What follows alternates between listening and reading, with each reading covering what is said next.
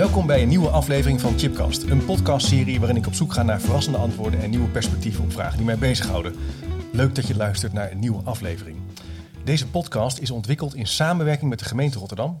En in deze podcast ga ik het hebben over een heel bijzonder initiatief, Goudonderwijs, en eigenlijk specifiek Rotterdams Goud. Een initiatief van de CED-groep. En Rotterdams Goud staat voor gelijke kansen op een hoog uitstroomniveau voor alle leerlingen. Scholen met excellente leerkrachten die plezier hebben in hun werk. En versnelde professionalisering op basis van een beproefd concept. Nou, dat maakt mij natuurlijk ontzettend nieuwsgierig. Dus ik ben naar Rotterdam afgereisd. Hoog tijd om hier meer over te horen. En ik ga hierover in gesprek met drie gasten. Met Ingrid de Baat, directeur van de Bogermanschool in Rotterdam op Zuid. Leuk dat je er bent. Dankjewel. En uh, tegenover mij Louise Siswerda. Je hebt 14 jaar voor de klas gestaan.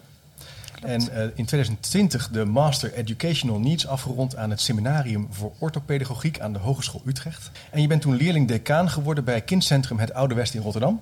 Zeker, ja. Leuk dat je er bent. En tegenover mij Ietse Klein. Hoi Ietse. Hoi. Uh, leerkracht groep 1 bij de openbare basisschool De Bloemhof. Ja, klopt. Superleuk dat je er bent. Nou, voordat we gaan beginnen, uh, voor degenen die ook even op YouTube kijken. Ja, we zijn te gast bij Het Open Venster. Dat is een school die net een nieuw gebouw heeft gerealiseerd en daar ontzettend trots op zijn. En de, de deuren werden geopend. Hele fijne school, ook in Rotterdam, met een dus prachtig gloednieuw gebouw. Uh, schoolleider Victor van Toer opende de deur en heeft ons welkom geheten. En check zeker even de foto's op chipcast.nl of ga naar YouTube om eens even een indruk te krijgen.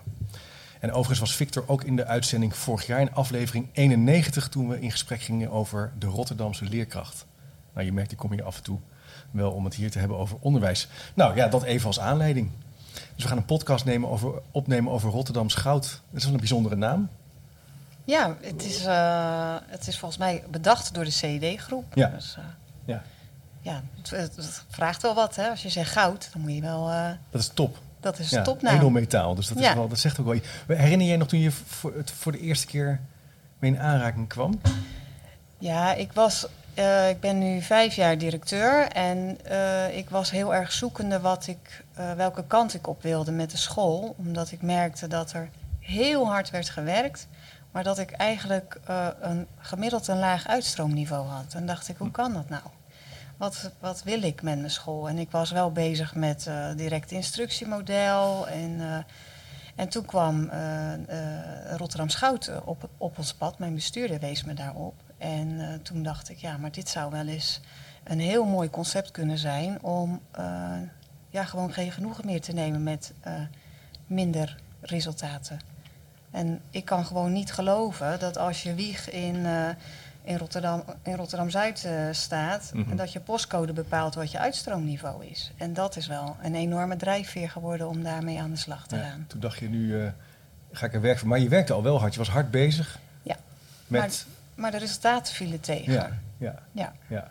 Dus, uh, en, en, iedereen werkte zich drie slagen in de ronde. En uh, je wist, wist niet goed aan welke knoppen je moest draaien. Nee. En daar heeft Rotterdam Schout wel uh, ja, een antwoord op gegeven. Ja, zou je één, één knop eens kunnen noemen om even voor de luisteraar... Ja, eigenlijk zijn er drie succesfactoren. Ja, dus kijk, we zijn dingen anders gaan organiseren.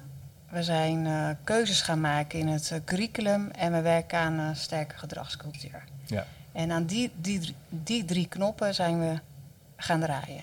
En dat doen we natuurlijk niet alleen, dat doen we met z'n allen. Ja. En dat was ook wel heel belangrijk, dat toen we hier instapten, dat we het ook met z'n allen doen. Dus als je focusleerkracht wordt bij ons op school, dan geef je ook commitment. Ik ga hier meewerken. En wat is focusleerkracht?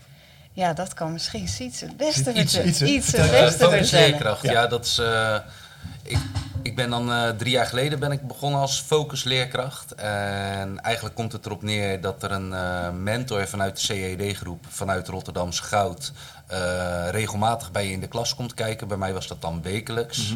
En daar ga je na schooltijd samen een bespreking hebben. En ja, daar, daar evalueer je hoe je bepaalde dingen hebt aangepakt. Je kijkt hoe je dat op een eh, effectievere manier aan kan pakken. En voor mij was het heel erg een soort met van spiegel.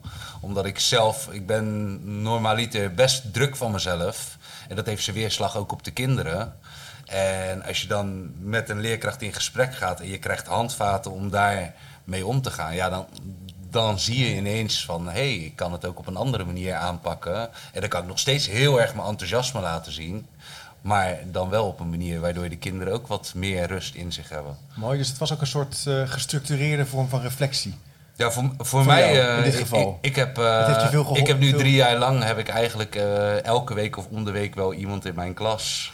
En ja, het, het is heel veel reflecteren en heel veel naar jezelf kijken. Ja. En ontdekken dat je het op een hele andere manier aan kan pakken. Wat, wat heb je, kan je een voorbeeld geven van iets wat je hebt geleerd, wat je door die spiegel, je zegt, nou, dat ben ik echt wel anders gaan doen? Nou, bij mij voor, vooral mijn handgebaren en mijn bewegen. En uh, ik ben best wel bewegelijk als ik aan het praten ben. En dat, dat heeft enorm veel effect op de rest van de kinderen. Ik heb een kleuterklas. En ja, ik heb echt gemerkt dat de rust veel meer in de klas blijft op het moment dat ik zelf ook mijn rust hou. En als ik met de kinderen in gesprek ga, dan probeer ik nu ook wat meer vanuit de kinderen zelf, in plaats van zelf heel gestuurd vragen te stellen. Dus dan moeten de kinderen ook zelf meer nadenken, waardoor je meer uit het kind haalt. Dus eigenlijk twee dingen. Dus iets meer letten op je lichaamshouding. Want je bent heel energiek en enthousiast. En dan kan het nog eens doorslaan. Dus iets meer structuur. En daar, dat zie je ook als effect. Het creëert meer rust. Ja, dat creëert veel en meer Het tweede punt is uh, ja, de leerlingen, de kinderen ook wat meer aan het werk uh, zetten. Ja, iedereen mee laten denken. Ik, ik, was zelf heel erg van... Uh, ik wil vingers zien, vingers opsteken. Dus uh, als ik dan een vraag stelde, dan keek ik om me heen en uh, wie heeft er een vinger omhoog? Ja. Maar op het moment dat je kinderen hun vinger op laat steken, dan als je je hand omhoog hebt, ben jij diegene die wat gaat zeggen. Dus ja. jij hebt erover nagedacht. Maar al die andere kinderen die hun vinger niet opsteken, die hebben zoiets van, nou, ik heb mijn vinger niet omhoog, dus ik hoef ook geen antwoord te geven. Dus ik ben met het principe vingers opsteken gestopt. En ik geef nu beurten. En daardoor creëer je dus dat iedereen uit zichzelf gaat meedenken. En dat is een gedachtegoed die ik daarvoor nog niet heel erg mee had gekregen. Superleuk. En nu merk ik wel echt dat dat heel veel effect heeft. Ja, dus ik kan me echt voorstellen dat het gewoon ontzettend fijn is om gestructureerd iemand, met iemand even een gesprek te voeren na zo'n les. Te spiegelen wat er is gebeurd en dit soort initiatieven eigenlijk verder ja. Uh, ja, te ontwikkelen. Leuk, nou dat is een mooi voorbeeld. En Louise, hoe was dat voor jou, uh, Rotterdam Schout? Uh, wanneer raakte jij daarmee bekend? Hoe kwam het op je pad? Uh, ik ben na mijn opleiding tot gedragsspecialist ben ik gaan zoeken naar een andere school waar ik mijn werk ook, waar ik de opleiding ook goed kon toepassen, maar ook gewoon apart als gedragsspecialist of leerlingdecaan. En dat was op KC het Oude Westen. Dat was toen nog, bestond nog uit twee scholen die midden in de fusie zaten. En um, dus eigenlijk het perfecte moment om uh, met een nieuw concept te beginnen. Hè, dus met nieuwe rollen. Um, en daar ben ik ingekomen direct als leerlingdecaan. En op die manier hebben we dat vanaf begin af aan gelijk zo neergezet. Ja. En uh, ja, heel veel aandacht voor die, voor die gedragsstructuur binnen de school, die gedragscultuur. En aangezien dat er uh, voor twee scholen behoorlijk wat moest veranderen om daar één nieuwe school van te maken, ja, was dat ook gewoon eigenlijk uh, een, het perfecte moment om daarmee te starten. Dus uh, heel veel van de technieken van Teach daarop ingezet natuurlijk. Um, oh, leg eens uit. Geef eens een voorbeeld. Teach is van Teach Like a Champion, een concept uit ja. Amerika, waarbij ja, het, het, zijn allerlei technieken die je in je klas toepast binnen, binnen het schoolgebouw allemaal hele duidelijke afspraken ja. over een eenduidige manier van doen. En ook met dus elkaar hoor ik je zeggen. Met dus je elkaar. met het hele team. Ja, dus we hebben binnen de school hebben we gewoon uh, een, een, een, aantal teach-technieken waar we allemaal voor staan. Van nou goed, uh, de manier van klaarzitten, hè, nou, dat, dat heeft dan een bepaalde naam. Dat is een sarkhouding of de vlorkhouding. Dus in iedere klas, zodra je dat daar noemt, weten ze precies waar ze aan toe zijn. Ja. Maar ook over de drempel, dus tot aan de drempel. En over die drempel gelden weer andere afspraken ben je weer stil. Um, hoge verwachtingen, um, uh, weet niet, geld niet. Uh, allemaal technieken waarbij je probeert iedereen te zien. Voor iedereen geldt dezelfde afspraak. Ja. ja. Prachtig. En, en, en hoe rijmt dit nou? Dit doe je dus met z'n allen. Ja. En tegelijkertijd zijn, in mijn ervaring, leerkrachten willen ook een soort autonomie ook wel in de klas hebben. Hè? Dus ja. hoe, gaat dat, hoe, hoe breng je dat bij elkaar? Kan je er iets meer over zeggen? Uh, ik denk dat dat best wel um, prima verloopt bij ons, omdat er heel veel ruimte is voor je eigen invulling. We werken wel allemaal volgens eenzelfde instructiemodel, doordacht passend leermodel. Uh, we werken met teach-technieken, we hebben kwaliteitskaarten waarop we, uh, waarin we bepaalde um, routines uitschrijven. En dat maakt dat op het moment dat jij nieuw bent op school of komt invallen, kunnen we de die kwaliteitskaarten erbij pakken en gewoon zeggen van joh, weet je, het uh, gebruik op het schoolplein gaat zo. De, de, de regels voor het naar buiten lopen, dit zijn afgesproken regels. Daar houdt iedereen zich aan. En we proberen daar ook, zeker nu die eerste weken, wordt iedere week zo'n regel nog eens extra benadrukt. Van jongens, hoe gaat ook alweer het binnenkomen, weggaan? Wat zijn ook alweer de afspraken? Ehm, en, en zo bouw je dat elke keer op. En Heldere afspraken, heldere structuur. Uh, ik hoorde zelfs kwaliteitskaart. Ik hoorde iets van een tikje. Misschien zijn heeft, ik heb geen hoge hakken aan, maar dat, misschien zit het bij jou. Maar goed. Um, uh, we gaan gewoon verder. Uh, dus dat idee van uh, die gedragsregels, er is een heldere structuur, er zijn kwaliteitskaarten. Dus ook als je nieuw komt in de, in de school, als, als je stage gaat lopen of je komt te werken, dan word je eigenlijk ook opgenomen in een bepaalde manier van werken. Ja.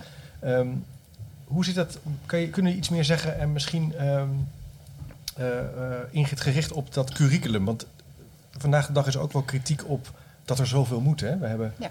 ontzettend veel dingen. Hè? Ik zag nog vanochtend op Twitter een lijstje. Ja, de, dansen en dan EHBO en dit en dat. Ja, er wordt nogal wat over de schutting ja, gegooid. Er best wel wat over de schutting gegooid. En wij hebben eigenlijk wel duidelijk de keuze gemaakt om ons te richten op rekenen, taal uh, en uh, burgerschap. Ja. Omdat, zeker met rekenen en taal, uh, daarmee krijgen we ook die kinderen op een hoger niveau. Dat wordt uiteindelijk gemeten dus het betekent niet dat die andere dingen niet belangrijk zijn, maar wij doen de creatieve vakken veel in de dagprogrammering, de leertijduitbreiding wat er in Rotterdam is. En in de school richten wij ons wel op die hoofdvakken. En uh, wat we hebben gedaan is dat we heel goed voor ogen hebben aan welke doelen er gewerkt moeten worden. En uh, daar kijken we ook steeds naar van, uh, en dat doen we bijna per week. in zo'n, wij noemen dat dan een data meeting. Maar dan heb je met, spannend, een data meeting. Dan heb je eigenlijk met mij een gesprek als leerkracht. Van nou, als je nu terugkijkt naar afgelopen week, zijn je opbrengsten dan zoals je had verwacht? Dus zijn de doelen die je wilde bereiken deze week ook bereikt? En als het antwoord op, daarop ja is, nou, dat is een mooi feestje. Maar uh, soms is het ook van ja, eigenlijk niet zo heel erg goed. Of hm. dit, ik mis, de voorkennis was er eigenlijk nog niet goed aanwezig. Oké, wat betekent dat dan voor de volgende week?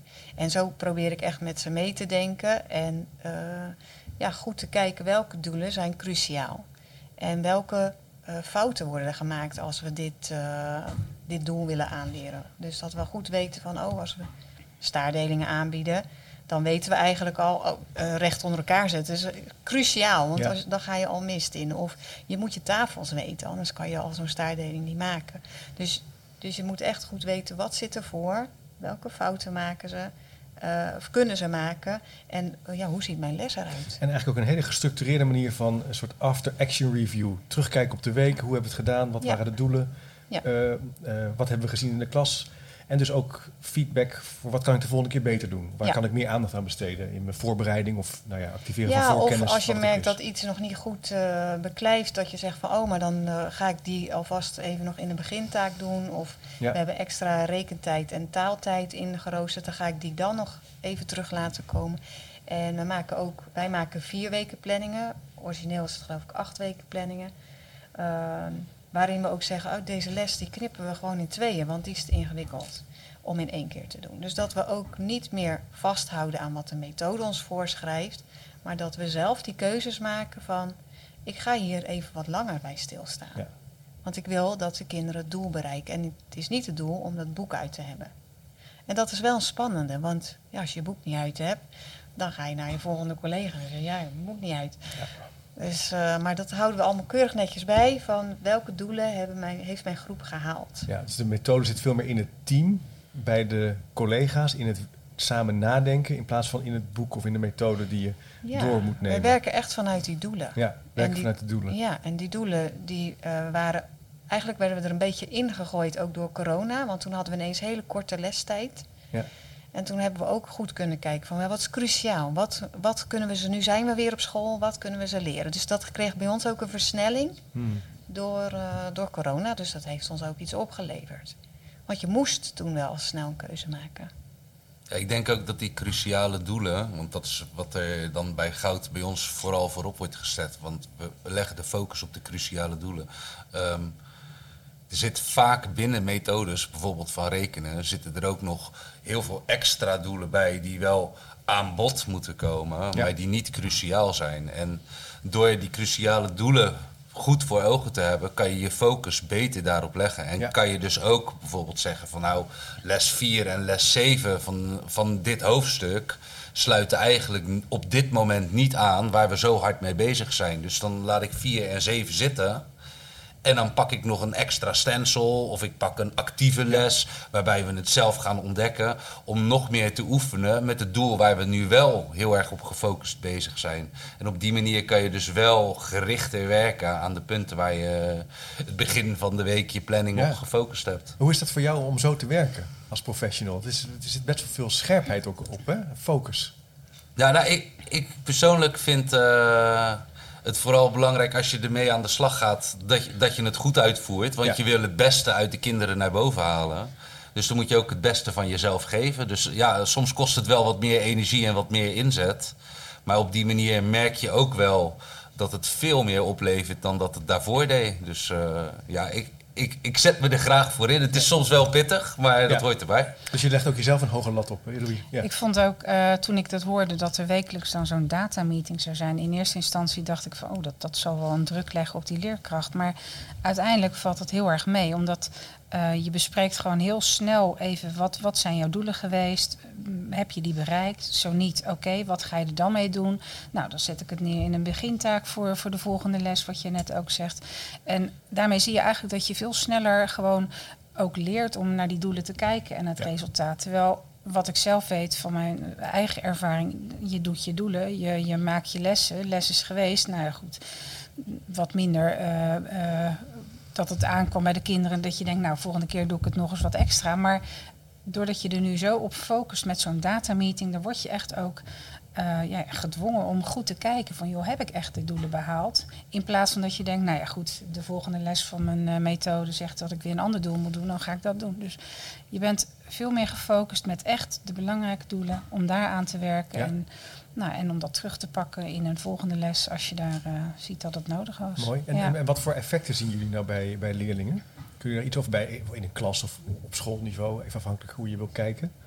Nou, als ik kijk naar de leerresultaten, uh, was het moeilijk te meten. Want ja, we zijn er ook natuurlijk een half jaar ongeveer tussenuit geweest. Maar uh, wat ik zie, ik zie niet gelijk dat wij al heel veel 2F, 1S leerlingen hebben, maar de verdeling bij ons wordt beter. Dus wij zien een voorzichtige verdeling in de 1, 2, 3, 4, 5 niveaus, dat die wat uh, normaler wordt of vergelijkbaar wordt met uh, de randgemeente. En dan denk ik dat is al een hele mooie stap.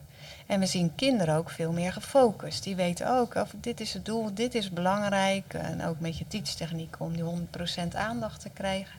En doordat je goede routines hebt, weten kinderen wat van ze verwacht wordt. Hebben ze ook ruimte in hun hoofd om een nieuwe lesstof op te nemen. Ja. We hebben het afgelopen jaar ook wel uh, heel erg gefocust op dat rekenen. En um, ook soms op de dagen extra rekentijd ingevoerd uh, van goh, in de middag nog een half uurtje erbij of twintig mm -hmm. minuten.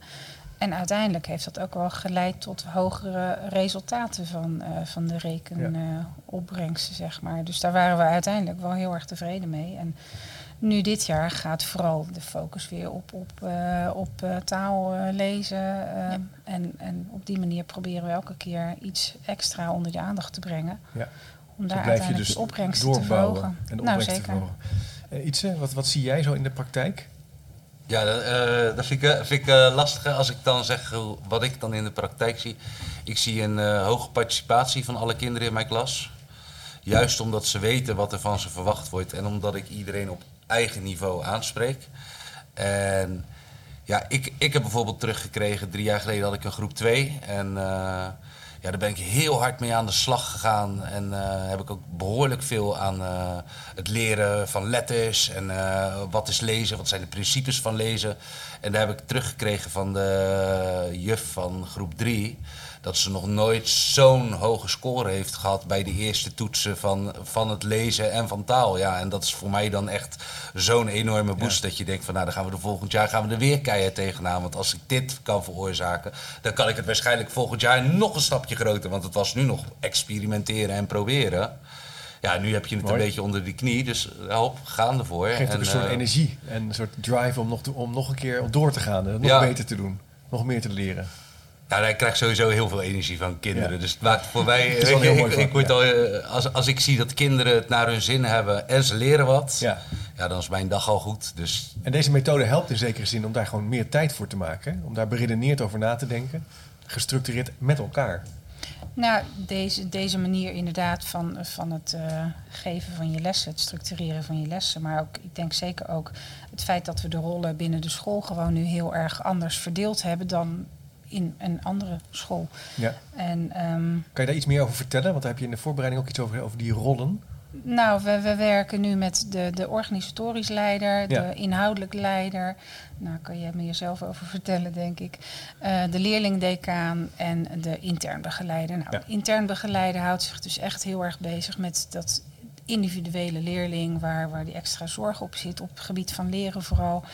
Eh, en mijn taak als leerlingdecaan is juist dat stukje, eh, die gedragscultuur binnen de school. Dus ik doe dat eh, schoolbreed, maar ook op individueel niveau. Dus ik ben eigenlijk continu, ik loop door die school, ik loop de klassen in, ik loop over dat plein, ik ga bij de gymlessen kijken. Overal waar die kinderen bezig zijn, wil ik ze gewoon kunnen observeren en zien hoe het gaat met ze.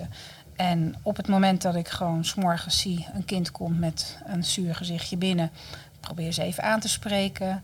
En als ik merk van hé, hey, dat gaat de rest van de dag in de klas ook niet lekker, dan probeer ik even in gesprek te gaan met dat kind, even te achterhalen wat is er aan de hand. Ehm, maar ook het eh, ontzorgen van die leerkracht op het moment dat er een, eh, een, een storende leerling in de klas is, om welke reden dan ook. Ja, ik merkte zelf toen ik zelf voor de klas stond hoe lastig het is om Ja. die ene storende leerling continu aan te moeten spreken of hoe dan aan te pakken. Waardoor je gewoon een tijd tekort komt voor je andere dingen. Maar nu ben jij een soort vliegende kiep. Je- ja, dan ben je er eigenlijk heel Precies. dichtbij om even die leerkracht Ja. te helpen en- met die leerling even in gesprek te Even gaan. apart houden, Ja. even apart met Ja, zijn ik gesprek. denk wat wij met die rollen willen, is dat die leerkracht de focus kan houden op zijn lesgevende taak. Ja. Dat is wat wij Ja. met, ze, met je managementteam of met die vier rollen eigenlijk voor elkaar Ja. willen krijgen. Dat daar zo min mogelijk afleiding is en zich echt kan focussen op die taak. Dus heb Klopt. je inderdaad een kind wat eh, ja, meer nodig heeft, dan kan je die, die last daarin verdelen. Eh, dat is ook met de IB'er, die weet ook heel goed als leercoördinator, ik moet hieraan en daaraan eh, trekken. En dat is eigenlijk ook met die rollen van operationeel en inhoudelijk schoolleider. Ja, ja. Wat ik zelf merkte toen deze rollen er nog niet waren, toen eh, ja, moest ik de dingen doen die een directeur hoort te doen. En dan dacht ik steeds, oh, ik moet ook in de klas, want daar gebeurt Ja. het. En dat werd een ondergeschoven kindje. En dacht ik, ja, maar nu moet ik wel, want diegene die heeft een functioneringsgesprek. En dan, dat werd er zo tussendoor gepropt. En dan dachten mensen, nou, ze komt het helemaal niet. En, en ik vond ook dat ik te weinig wist wat er in de klas gebeurde. En nu die rollen verdeeld zijn, ja, ik ben eh, eigenlijk alle dagen in de groep. Je bent veel meer met onderwijs bezig. Ik ben met je onderwijs ziet veel meer bezig. wat er gebeurt. Ja, En we weten ook wel uit, uit onderzoek wel of- dat dat leiderschap en die relatie met die onderwijspraktijk heel cruciaal is. Hè? Daar kan je echt Ja. een hele positieve impact op maken. Maar wat, wat is er dan, eh, dus door die rolverandering heb jij, maar er zijn, sommige dingen zul je nog steeds moeten doen. Ja. Eh, HR, ziekte. eh, ja nou klopt. Nou ja, je probeert natuurlijk degene die de bedrijfsvoering doet, operationeel, die kan niet alles nog doen, want die ben ik aan het inwerken. Eh, maar het zit nog wel een beetje in de verantwoording wie er eindverantwoordelijk is, want dat ben ik. En Ja. dan kom je toch nog met HR, kom je nog bij mij. Ja, ja. Of vanuit bestuur komt er nog een vraag. En dan denk ik, ja, ja ik ben daar wel eindverantwoordelijk voor. Dus daar knelt hij nog wel eens. Maar we zijn ook een pilot, dus laat ons hierin groeien en ontwikkelen. Dus eh, ja, maar die klassen in, daar gebeurt het. Dat is echt het belangrijkste. En je ziet gewoon dat het effect heeft. Ja, ik denk ook met die datameetings dat dat zijn effect laat zien. Want doordat je datameetings hebt, eh, zorg je er dus ook voor dat eh, degene die niet in de klas staat een beter beeld krijgt van wat er wel en wat er niet in de klas goed gaat en waar aan gewerkt moet worden. Ja, je weet op met het moment dat je dan een observatie krijgt, of zoals je zei, een functionering, eh, een kwaliteitsbezoek. Ja. Ja, als er dan iemand langskomt, weet ze ook meer waar ze op moeten letten. Ze kunnen Ja. Oh, dat is die jongen die, weet je. Dat, Ja. dat zijn bepaalde dingen waardoor je eigenlijk toch wat meer touch met elkaar hebt en de klas. Dus dan krijg, krijg je Ja, ook als directeur een beter beeld van Ja. hoe het in de school eigenlijk eraan toe gaat. Het is heel Ja. sterk, want het- wat je natuurlijk wel soms op scholen ziet, is dat, ze, dat je van elkaar niet meer weet hoe het ervoor staat. Hè? Dus dat je de Precies. verbinding kwijt bent inhoudelijk. Ja. op het gebied van onderwijsresultaten of het leerproces. En ik denk dat deze aanpak dwingt je eigenlijk op een hele aantrekkelijke manier om samen te kalibreren, samen te blijven nadenken. Dat heeft ons ook wel gebracht. Ik zie ook leerkrachten nu naar elkaar toe lopen. Van hoe heb jij dat eigenlijk vorig jaar aangeleerd? Ja. Want eh, ja, weet je, het, het blijft niet plakken. Of ik ga nu aan dit beginnen en jij hebt de voorkennis aangeleerd. Eh, hoe heb je het gedaan? Ik ga dezelfde woorden gebruiken. Ja. Dan herkennen ze het snel. Ja. Dus, dus daar zie ik heel veel eh, samenwerking ontstaan. Ehm, ik zie ook dat mensen niet meer zo spannend vinden als de directeur in de klas komt. Eh, ze ervaren het. Bij mij krijg ik terug, en dat zie ik als compliment, van... eh, oh, maar je bent eigenlijk gewoon eh, extra handen. Want ik ga niet alleen zitten ja. kijken en schrijven. Maar als, het, als ik bij groep 3 ben, en dan loop ik ook wel even mee voor die pengreep of vinger erbij. En ja, ik ben er toch. Dus- Ja, je bent ook niet de schoolleider die zegt ik stuur op de piketpaaltjes en de randvoorwaarden en ik laat de inhoud aan de professionals. En ik ben, je bent ook echt wel op de werkvloer mee aan doen. ja, Je doet Daar- continu mee inderdaad. Ja. Je loopt de Nou ja, klas dat is een belangrijk in. punt. En eh, ik, ik zie ook, bij ons is die gezamenlijkheid is heel belangrijk. We doen het Ja. niet, eh, dit is jouw taak, dat is jouw taak. Ja, maar jou heb ik heel hard nodig. Ja. Want anders dan kan ik dit niet voor elkaar krijgen. Zou ik daar nog even een vraag over mogen stellen? Want ik, het- dit klinkt alsof jullie heel duidelijk op dezelfde pagina zitten hè, met elkaar als team. Maar ik kan me Ja. voorstellen als je dit introduceert dat sommige collega's denken van oh dat is wel een beetje spannend. Of, eh, Nou, dat was er ook wel eh, wat... wat ja, hoe, hoe, hoe, hoe blijf je bij elkaar? Hoe, hoe, hoe, zorg je ervoor dat je wel samen blijft optrekken? Nou, wat ik bij ons zie is dat er. ehm, eh, we doen het niet verkeerd. Iedereen die is aan het leren hierin. En ik, ik merkte ook vorig jaar, dan, dan aan het eind van het jaar, iedereen gaat zijn, zijn resultaten presenteren. Of gewoon even een soort van. eh, nou, hè, wa- wat, wat zijn mijn opbrengsten geweest dit jaar? En dat vonden sommigen ontzettend spannend, omdat dat minder goed was dan ze hadden gehoopt. Ja. En daar wordt niemand op afgerekend. Nee, want er is een verklaring voor. Je bent er nog aan het werken. Je zit er. Nou goed, is van alles. En niemand wordt er eigenlijk op afgerekend van joh, jij had beter je best moeten doen. Nee, we doen het met elkaar. En ehm, we hebben de, de, de, de collega's nodig, we hebben de, de leerkrachten nodig. En al die mensen die eromheen staan, plus die leerling, plus die ouders. Want eh, ik merk heel erg dat eh, ik ben met dat stukje gedrag bezig. En ik probeer daarin eh, met zo'n leerling in gesprek te gaan en met dat met de leerkracht te bespreken. Maar zodra ik eh, nul op request krijg van de ouders, dan loop ik ook vast. Ik Dus kom zo dan- nog even bij die ouders, want daar wil ik Ja. ook nog even wat, wel wat over vragen. Maar de- het, het klinkt ook alsof je echt met elkaar bouwt aan een veilige, maar wel professionele Absoluut. schoolcultuur. Ja. Waar een hoge lat ligt, waarin je mag fouten maken, je mag zeggen dat het nog niet is gelukt. En je creëert daar een soort ja, positieve ervaring, Ja. zodat je kan doorbouwen. Dat is een manier wel om met elkaar te blijven bouwen. Dat is voor, voor heel ons als fundamenteel. school, maar ook voor die leerlingen. natuurlijk voor leerlingen ook zo, dat, ja. dat zeggen we Ja. ze ook Ja, elke keer. teamcultuur is ook wel echt iets wat, eh, wat steeds terugkomt in onze vergaderingen. Ja. Hoe gaan we met elkaar om? Hoe mag je Durf leren? elkaar aan te spreken. Durf je elkaar Ja. aan te spreken?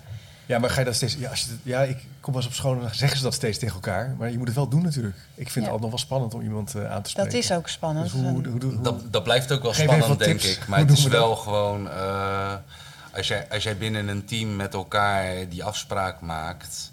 dan moet je elkaar ook gewoon aan kunnen spreken. Ja. En ja, som- soms valt dat wat lastiger of eh, valt het niet zo fijn. Maar juist door gesprek aan te blijven Ja. gaan... en met elkaar in gesprek daarover te gaan... kom je vaak toch op één lijn of Ja. tot dezelfde conclusie vaak. Dus, eh, En ik kan me ook heel voorstellen dat die structuren die jullie ontwikkelen in deze aanpak, in de Rotterdamse goutaanpak bij elkaar kijken, nabespreken, da- dat is eigenlijk consta- constante feedback.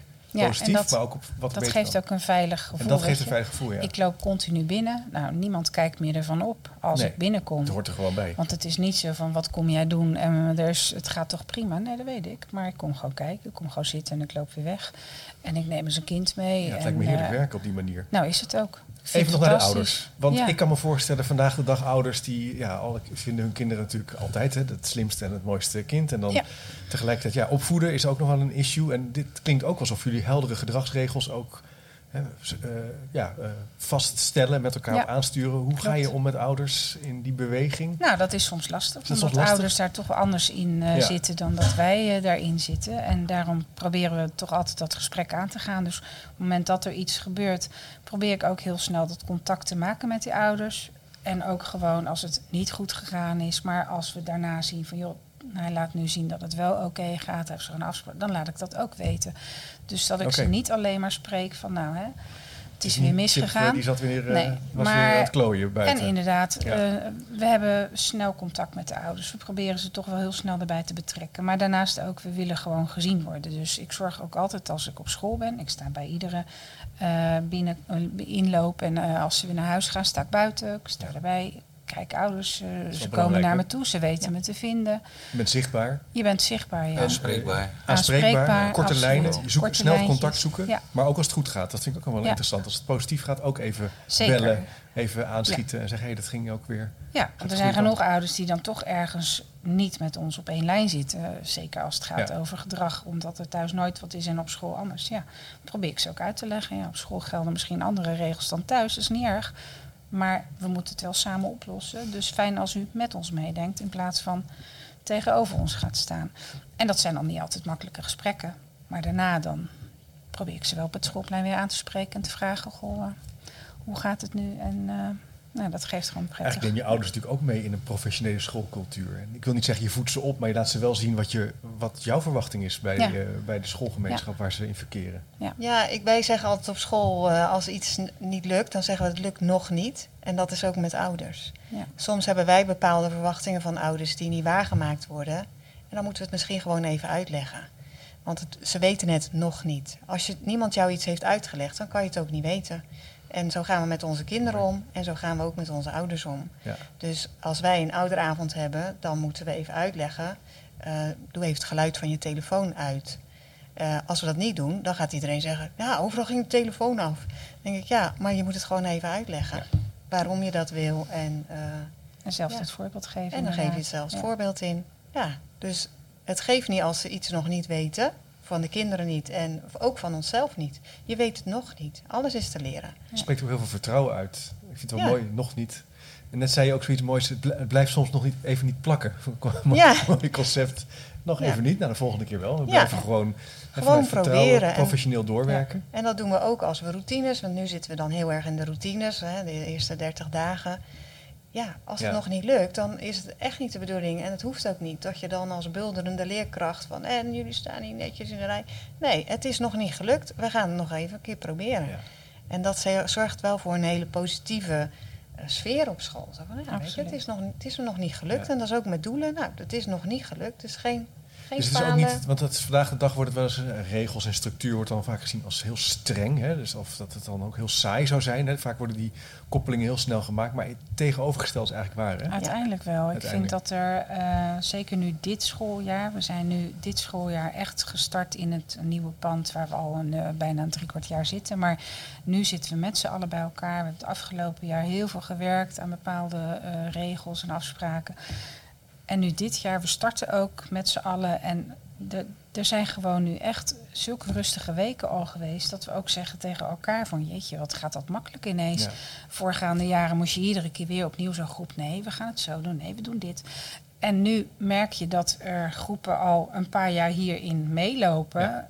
En dat leerkrachten denken, oké, ze Ja. staan gelijk in die rij. Oh, dat gaat eigenlijk heel rustig. En soms Ja, dat- gaat het ook sneller dan dat de leerkracht had bedacht. Die dacht, oh, weten jullie dit al? Wat doen jullie dit slim en handig? Ja, ja, ja. Nou, dat neem ik over. We kunnen nog even sneller gaan. Of, ja, eh, ja, ja. kinderen Ja, nou, bij, bij, bij uitval van een leerkracht, dat een leerkracht een paar dagen ziek is, omdat je allemaal eenzelfde lijn werkt en op eenzelfde manier werkt, is het ook makkelijker voor een andere docent om jouw klas Ja. over te nemen en op dat moment eigenlijk aan de doelen te werken en dus niet bezig te zijn met de klas rustig te hebben of eh, dat ze in de kring luisteren. Nee, want dat zijn bepaalde technieken die we Ja. Allemaal op dezelfde manier toepassen. En doordat je dat op éénzelfde manier is het voor de kinderen ook veel duidelijker wat er van ze verwacht wordt. Ik kreeg dit jaar een instroomgroep. Die hebben drie tot zes maanden vorig jaar al een juf gehad waarbij eh, van alles werd geoefend. En de eerste schooldag dat ik er zat, zat ik uit te, vertellen, eh, zat ik uit te leggen hoe het werkt met SARC. Dat is dus eh, stil, arm over elkaar rechtop zitten en kijken naar de leerkracht. Met een blauw monstertje en dat spreek je af. En ik zeg ja. ehm, dan moet je sark, en terwijl ik het woord sark zei, zaten er dus 13 kinderen zo allemaal gelijk met hun armen over elkaar. Helemaal zo, oh ja, maar dit is, dit is wat er van ons verwacht wordt. En ik was eigenlijk nog bezig met mijn uitleg om te proberen zo'n eerste keer voor elkaar te krijgen. En toen, toen zaten ze allemaal al helemaal op die manier klaar. Ja, en ja, dat, dat is wel een enorm voordeel, omdat iedereen die ene lijn gebruikt.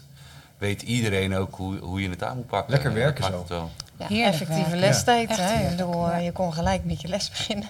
Ja, Nou, dat Leuk. is wel het stukje wat ik hiervoor, toen ik voor de klas stond, miste. Gewoon dat die, die nou ja, eh, van, vanuit mijn eigen rol dan als leerling-decaan had ik dat graag gezien. Dat er iemand was die echt kinderen echt uit de klas kan halen en daar de tijd voor kan nemen. Want ik neem nu iemand uit de klas mee als er wat is. En dat hoeft niet alleen maar als die storend is, maar ook andere problemen waar je minder snel normaal iemand voor uit de klas haalt. Want daar heb je geen tijd voor. En ik neem er nu zoveel tijd voor. Ik heb geen tien minuten. Ik heb tijd totdat het afgelopen is. En dat doe je echt door slim organiseren hè, met elkaar. Samen Ja. goed nadenken over die rollen. Dus dat is ook heel interessant Ja. eraan, dat het dus gewoon kan. En ook heel, dat maakt het ook aantrekkelijk werken. Dus als je nu denkt van, hé, hey, ik wil hier ook wat mee. eh het is dus gewoon mogelijk. Hè? Iedereen kan op deze manier Rotterdam Schout, Onderwijs Schout, die, die methode eigenlijk eh, doorontwikkelen. Ik zou het iedere school gunnen. Iedere school gunnen. Leerling-decaan en eh, al die rollen zo. Ja. Ja, ja Nou, eh, beste luisteraar, je hoort het. Als je nou Ja. eh, meer informatie erover wil, dan moet je even naar Chipcast gaan. Dan zal ik even de linkjes plaatsen om je door te, eh, door te linken naar de bronnen om het te vinden. We maken natuurlijk ook een beetje reclame om in Rotterdam te komen werken, hè, in het onderwijs, Ja. eh, in deze podcast. Waarom zou je nou in Rotterdam moeten gaan werken? Misschien even als afsluiter. Wat, wat, wat voor reclame kunnen we ervoor maken? Ja, het, het, ik vind het gemeleerde heel erg leuk. En het Ja. rauwe randje vind ik leuk. Ja. En ehm, ja, weet je, we zijn bouwers. Dus dat Ja. doen we gewoon met Ja. elkaar. Hoge lat, Ja. goed doorbouwen met elkaar. Ja. Ja. ja, je doet ertoe. Ik heb nog nooit een dag gehad dat ik dacht, nou, waar ben ik nou naar mijn werk geweest? Nee, mouwen op straat. Altijd van betekenis. Toch? Kijk, leuk eh, Ingrid, Louise en iets. Bedankt voor jullie, eh, voor jullie tijd en, eh, en mooie input over, over Rotterdam Schout en over ja, goed en sterk onderwijs geven in Rotterdam. Ehm, ja, tot slot nog even dit. Wil je meer informatie weten en ben je nieuwsgierig naar Rotterdam Schout? Check dan even de speaker notes in de podcast app op ga, of ga naar de website chipcast.nl. En als je nou denkt, hé, hey, ik wil ook wel werken in, in Rotterdam, dan kan je ook een linkje daarover vinden op chipcast.nl. Ik wil de gemeente Rotterdam hartelijk bedanken voor het mede mogelijk maken van deze podcastaflevering. Duim omhoog ook voor Victor voor het openstellen van zijn prachtige mooie school. En het war- warme welkom.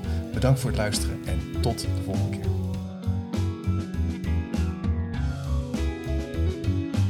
Nieuwsgierig naar meer? Abonneer je op de nieuwsbrief en je mist niks. Ga naar www.chipcast.nl slash doe mee. Wist je dat er op chipcast.nl meer dan 200 afleveringen over onderwijs, samenwerken, innovatie, verbetermanagement, leiderschap, organisatieverandering en filosofie te vinden zijn? Blij met deze podcast? Je helpt Chip enorm met een review of recensie op Spotify of Apple Podcast. Je kunt trouwens alle gesprekken op YouTube bekijken. En vergeet je dan niet te abonneren.